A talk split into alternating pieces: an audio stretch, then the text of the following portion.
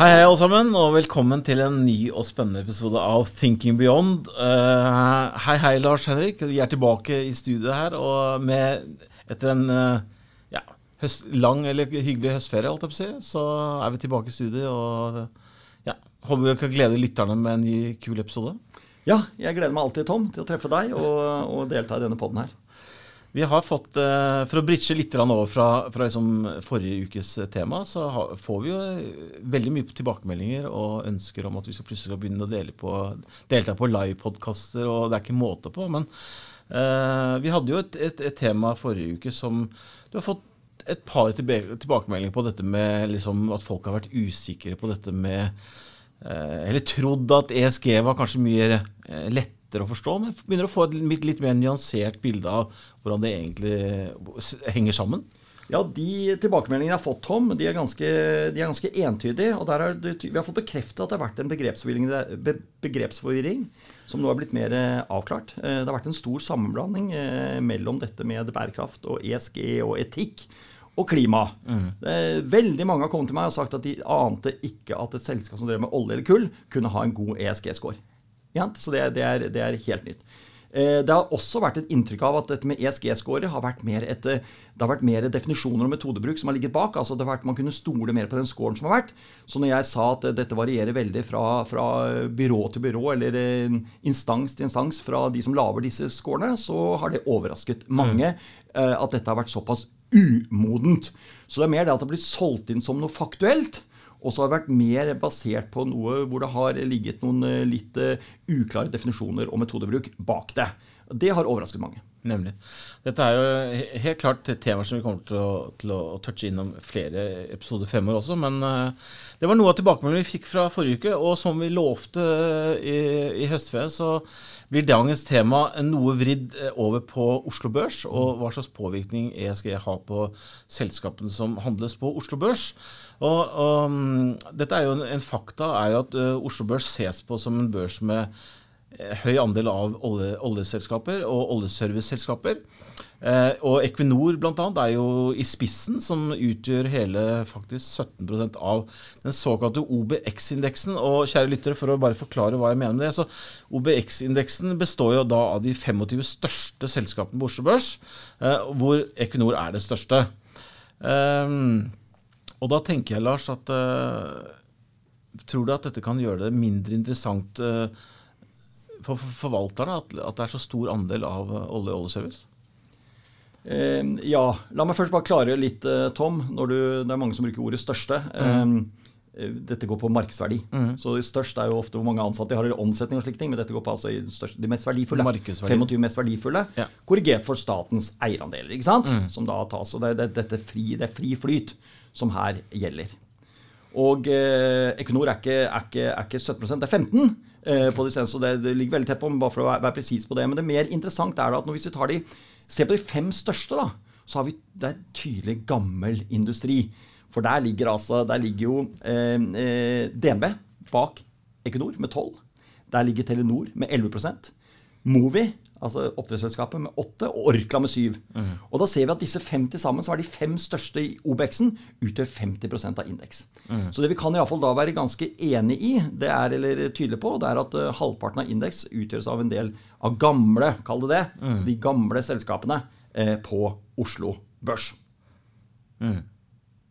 Ja, uh, fordi at når jeg tok ut denne her daten, så var det faktisk fra, fra juli. Så da, da, Det betyr bare at uh, Equinor har falt litt senere tid når du sier at vektingen har falt. Nettopp! Og det er, vi trenger ikke å si mer om det. nei, nei. Men det er klart at uh, Equinor har ikke hatt noe, noe, noe, noe stort år. Nei. Og det har jo heller ikke, heller ikke sektoren, oljesektoren internasjonalt som sådan. Og vi har tatt opp før. Equinor har jo flagget mye prosjekter innenfor fornybart, renewable og den nye verden og bra ESG-selskaper sånn sett, men har ikke fått betalt for det. Og det har vi tidligere sagt, at eh, vi, en, en, eh, vi, kan, vi, forventer at Equinor gjør noe med dette her, og at de kommer til å skille ut eller spinne av sin, sin havvind- eller offshorevindsatsing. Det er det eneste fornuftige å gjøre. Her har jeg trukket parallell til bl.a. Ørsted tidligere, men også hva vi har sett på Aker Solution, hva de har gjort med sin offshorevindselskap. Mm. Så eh, det, det, det, det, drukner oppi olje det andre, og de får ikke, de får ikke ESG og renewable-penger eh, til å investere i Equinor så lenge eh, olje og gass er så stor dominerende andel, da kommer ikke vindpengene og ESG og de grønne pengene dit. Nei. Og um, Utenfor noen grunn at vi skal henge ut Equinor på noen måte, men det er jo ingen tvil om at Equinor har vært en del i, i vinden det siste i media uh, rundt dette med, med Angola-saken. Og vi ser at både MDG og SV nå prøver å få en granskning av selskapet som skal opp til høring i oktober. Um, kan ikke snakke litt om hva som skjer under overflaten der, og, hva, og hvilken, ikke minst, ettersom dette er jo en podkast vi skal snakke i dag om ESG, hvilken påvirkning dette kan på, få for eh, Equinor som selskap? Ja, her med først eh, Det er bare klarere litt rundt så det ikke er noe forvirring her. og Sammenblanding av det som skjer i USA, som er tatt opp tidligere i vinter med disse 200 milliarder kronene i tapte penger i forbindelse med engasjementer først og fremst onshore, mm. altså med skifer olje- og skifergassaktivitetene, og det som skjer i Angola. ESG har jo ingenting Du blir ikke straffet ESG-messig av å gjøre dårlig business. Nei. Eh, så jeg vil si at det i USA det er rett og slett det er dårlig, dårlig, jobb. Ja, det, det, er dårlig jobb. Det er dårlige investeringer. Ja. Eh, det har ikke noe med ESG å gjøre. Nei. Eh, dette tar investorene seg bra av, og aksjekursen. Så er, det har blitt, det har blitt gjenspeilt der. Når det gjelder Angola, så er vi inne på noe som åpenbart kan få mer å si for, for gen i ESG, altså governance, eller virksomhetsstyringen, mm. Eh, og karakteren der, scoren der, eh, når vi ser fremover. Og Dette er en ganske alvorlig sak. Eh, det som overrasker meg litt, er at det ser ikke ut som det blir flertall i, i, Stortinget nå for at det skal gjøres en, en, gransking. Da tenker jeg, Når er det man er interessert i å granske? Her er åpenbart flere hundre millioner kroner vi snakker i hvert fall 300 millioner kroner, som har gått ned i et sluk, eh, eller forsvunnet, i Angola. Og det er et 68 eh, eid norsk statlig selskap som står bak. Så hvis man ikke, jeg syns man skulle være mer opptatt av hva som har skjedd her. sånn. Ikke nødvendigvis for å ta noen, bare for å finne ut hva det er. Mm. Det er jo ganske kjent at i, i Luanda hovedstaden i Angola, så kommer veldig lite av pengene lenger bak enn tre kvartaler fra kysten. Altså Når du ser på den hovedstaden der sånn, så ligner det altså Singapore og New York eh, i, ved Seafront. Tre kvartaler inn, og så kommer fattiglandet bak. Mm. Så det er åpenbart alle alarmklokkene burde vært til stede. Og også internasjonal eh, oversikt viser at dette er korrupt land. Og eh, det er en statsmakt der nede som ikke er særlig opptatt av det store brev folket sitt. Så, eh, og bildene viser det tydelig. altså Pengene kommer ikke mange kvartalene inn fra kysten. Og her forsvinner altså flere hundre millioner kroner fra Statoil, og man er ikke, eller, ja, Statoil den gang, Equinor nå, og eh, i perioden 2011-2016, i forbindelse med at man inngår denne avtalen ved at man får dypvanns- eller ultradypvannslisenser i 2016, og mm. annonserer det stort. Har man endelig bare betalt en signeringsbonus, som er ganske, er ganske, som er ganske vanlig, Eh, på disse 420 millioner kronene så hadde det vært en engangsbetaling. kan si hva du vil om Det men ferdig med det. Det er en mm. del av internasjonal oljeaktivitet og det å sikre seg lisenser. Men å, men, å, men å, begynne å rote seg inn i dette her såkalt sosiale prosjekter, eh, hvor det skulle betales 420 millioner kroner i fire transjer, og man etter tre transjer oppdager at det er ikke satt et spadetak, pengene er betalt, men ingen vet hvor det er, mm -hmm. det, det syns jeg er eh, veldig svakt. Eh, og av et 68 eh, eid statlig selskap, mm. så burde man være mer interessert i å finne ut hva som har skjedd der. Kanskje man ikke har så lyst til å finne ut av det, når man finner kanskje hvor dårlig jobb også både styre og ledelse her har gjort. Ja, og det, og det, er en annen diskusjon, hvem som står ansvarlig for, for dette her. Men, men, la oss bringe dette over på dagens tema. Liksom, hva, hva, slags innvirkning kan dette få på, på selskapet når vi snakker om dette med ESG-score? For vi har jo vært inne på at, at overraskende nok Lars, så har jo Equinor til manges uh, syns det er litt rart, en veldig god og høy score. De har jo 9,3, som du har snakket om før. Hva, tror kan, hva, hva, hva, tror du dette kan bety? Jeg vil ikke forhåndsvarsle noe, noe endring i score her, men vi, det er klart at dette her, når man finner ut hva som reelt sett har skjedd, mm. og dette endelig kommer og blir kvernet igjennom hos disse ESG-byråene, så vil det overraske meg hvis ikke dette mm, blir bemerket og får innflytelse eller påvirkning for ESG-scoren, og da først og fremst på governance-scoren, den, den G-komponenten. ikke sant? Mm. Så det, det, må vi forvente. Men igjen ser vi da på en måte at dette med ESG er en litt sånn lagging faktor. Og det er det som gjør det litt vanskelig da, når du, når du kjøper et, et, fond eller gjør investeringer basert på et, en, en avlest ESG score som du får rapportert fra MSCI ESG eller fra Sustainalytics eller en av de 150 andre som driver med det greiene her, så, så, blir det en litt sånn lagging faktor. Og vi har jo flere eksempler på det, Tom, hvor, hvor selskaper har hatt god ESG-score. Og ville vært inkludert i ESG-fond, eh, naturlig ved at de lå over sin indeks. Og det er sånn som Volkswagen. Mm. Volkswagen, altså i, eh, Vi må minne om da Dieselgate, eller Emissions-gate, altså utslippsskandalen, mm. som ble avdekket i september 2015 av amerikanske myndigheter, Miljødirektoratet, altså EPA. Denne her med, med jukseprogramvaren, mm. som viste altså ett avlest utslippstall av nitrogenoksid, vel, eller mm, NOx, NOx ja. i, i, i, testfase, mm. mens det ble inntil 40 ganger høyere in the real life, altså mm. når de kjørte rundt i trafikken. Dette var en, dette var en aktiv, eh, planlagt eh, eh, svindel. Mm. Og jeg skal ikke gå inn på i etterkant hva som har skjedd, men det, det viktige er at at, e, at, Volkswagen hadde en ESG-score bare måneden i forkant av dette ble avslørt som en av de høyeste i bilbransjen. Mm. Ja, så det var ingen signaler. Samme med Danske Bank i, i forkant av, uh, av hvitvaskingsskandalen. Minne om disse 200 milliarder dollarene man sier har gått uh, gjennom uh, filialen i Baltikum. Mm. Var, vel i, var det i Estland? nå husker jeg ikke helt hvilket det var, men det er samme. Eh, det, det bare, også der ser vi at Danske Bank lå jo helt på linje med de fire-fem andre store bankene, også Svedbank, SEB, DNB og Handelsbanken i Norden. Mm. Lå ikke tilbake for dem, hadde en bra ESG-score. Og så vet du, på governancen lå veldig bra til. Og så kommer denne skandalen. Mm. Så det er, har vært en utfordring, og er en utfordring, at det er en litt uh, lagging faktor, denne ESG, eller, eller tilbakeskuende. Mm. Og det er, det er, alltid problemer med når man tillegger en sånn faktor veldig vekt. Det er at et selskap kan være i en voldsom utvikling, både til det bedre og dårligere. Eh, mens egentlig faktoren er basert på litt, litt eh, hvordan det var kanskje for noen måneder eller år siden. Mm.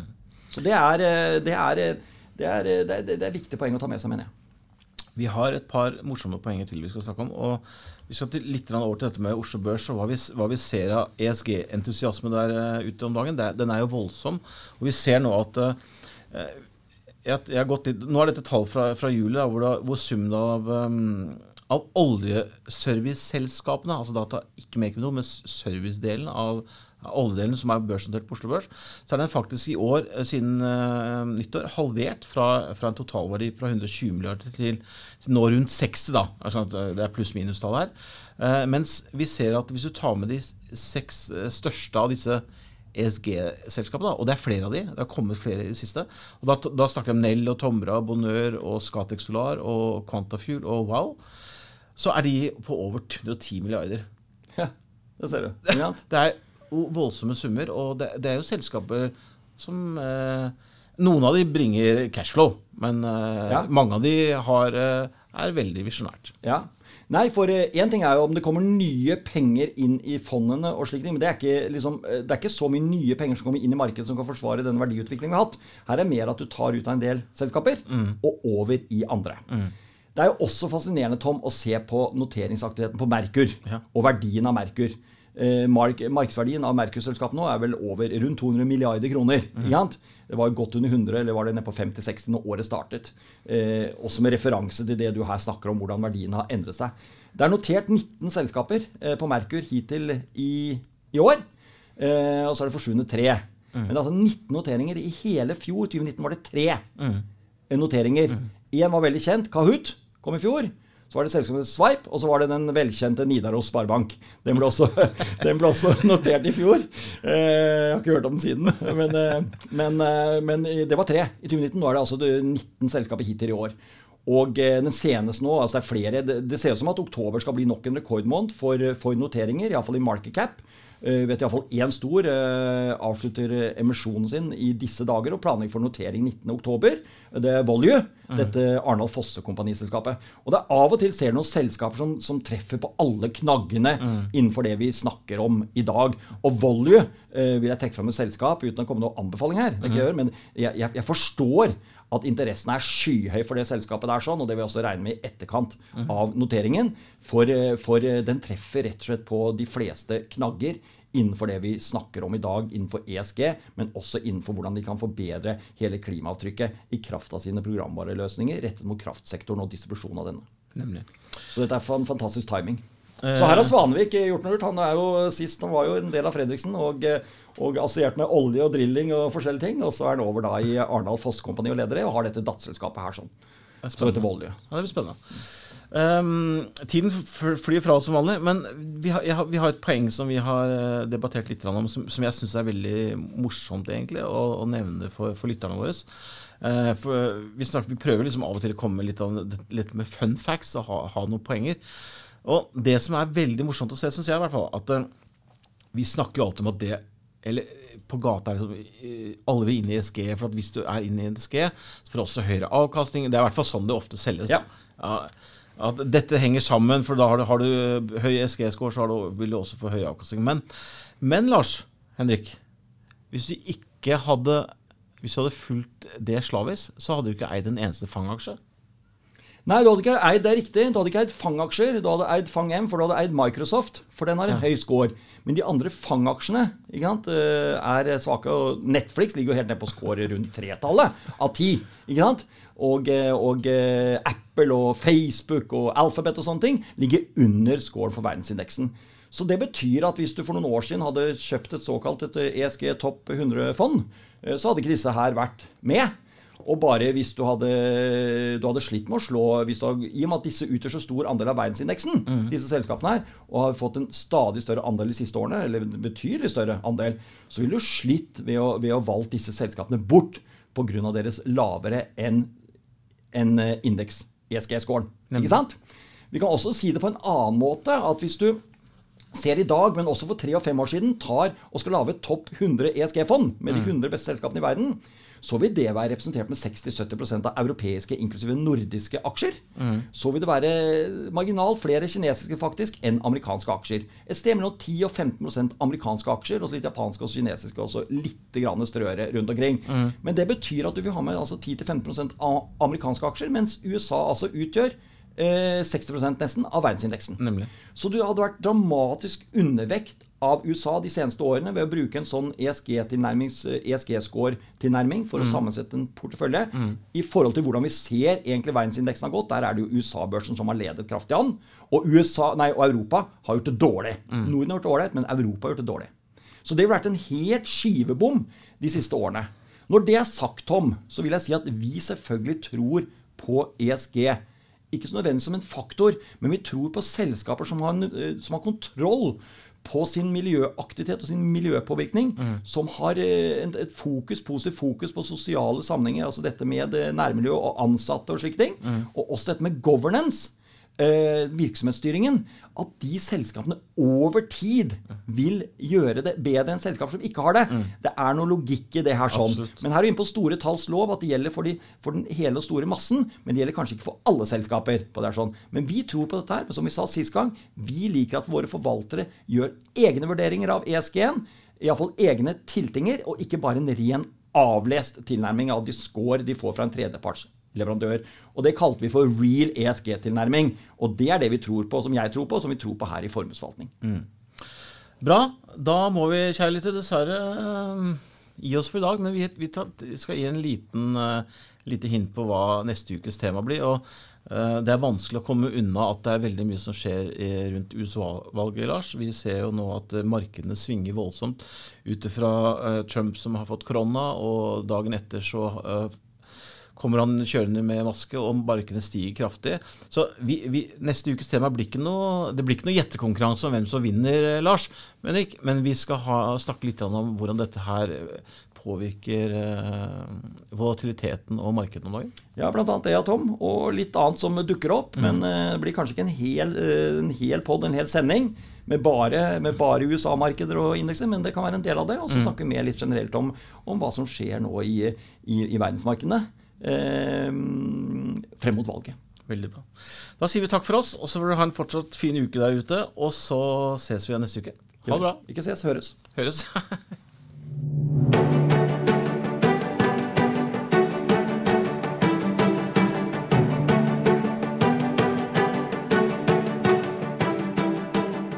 du har hørt på Thinking Beyond, en podkast fra Formuesforvaltning.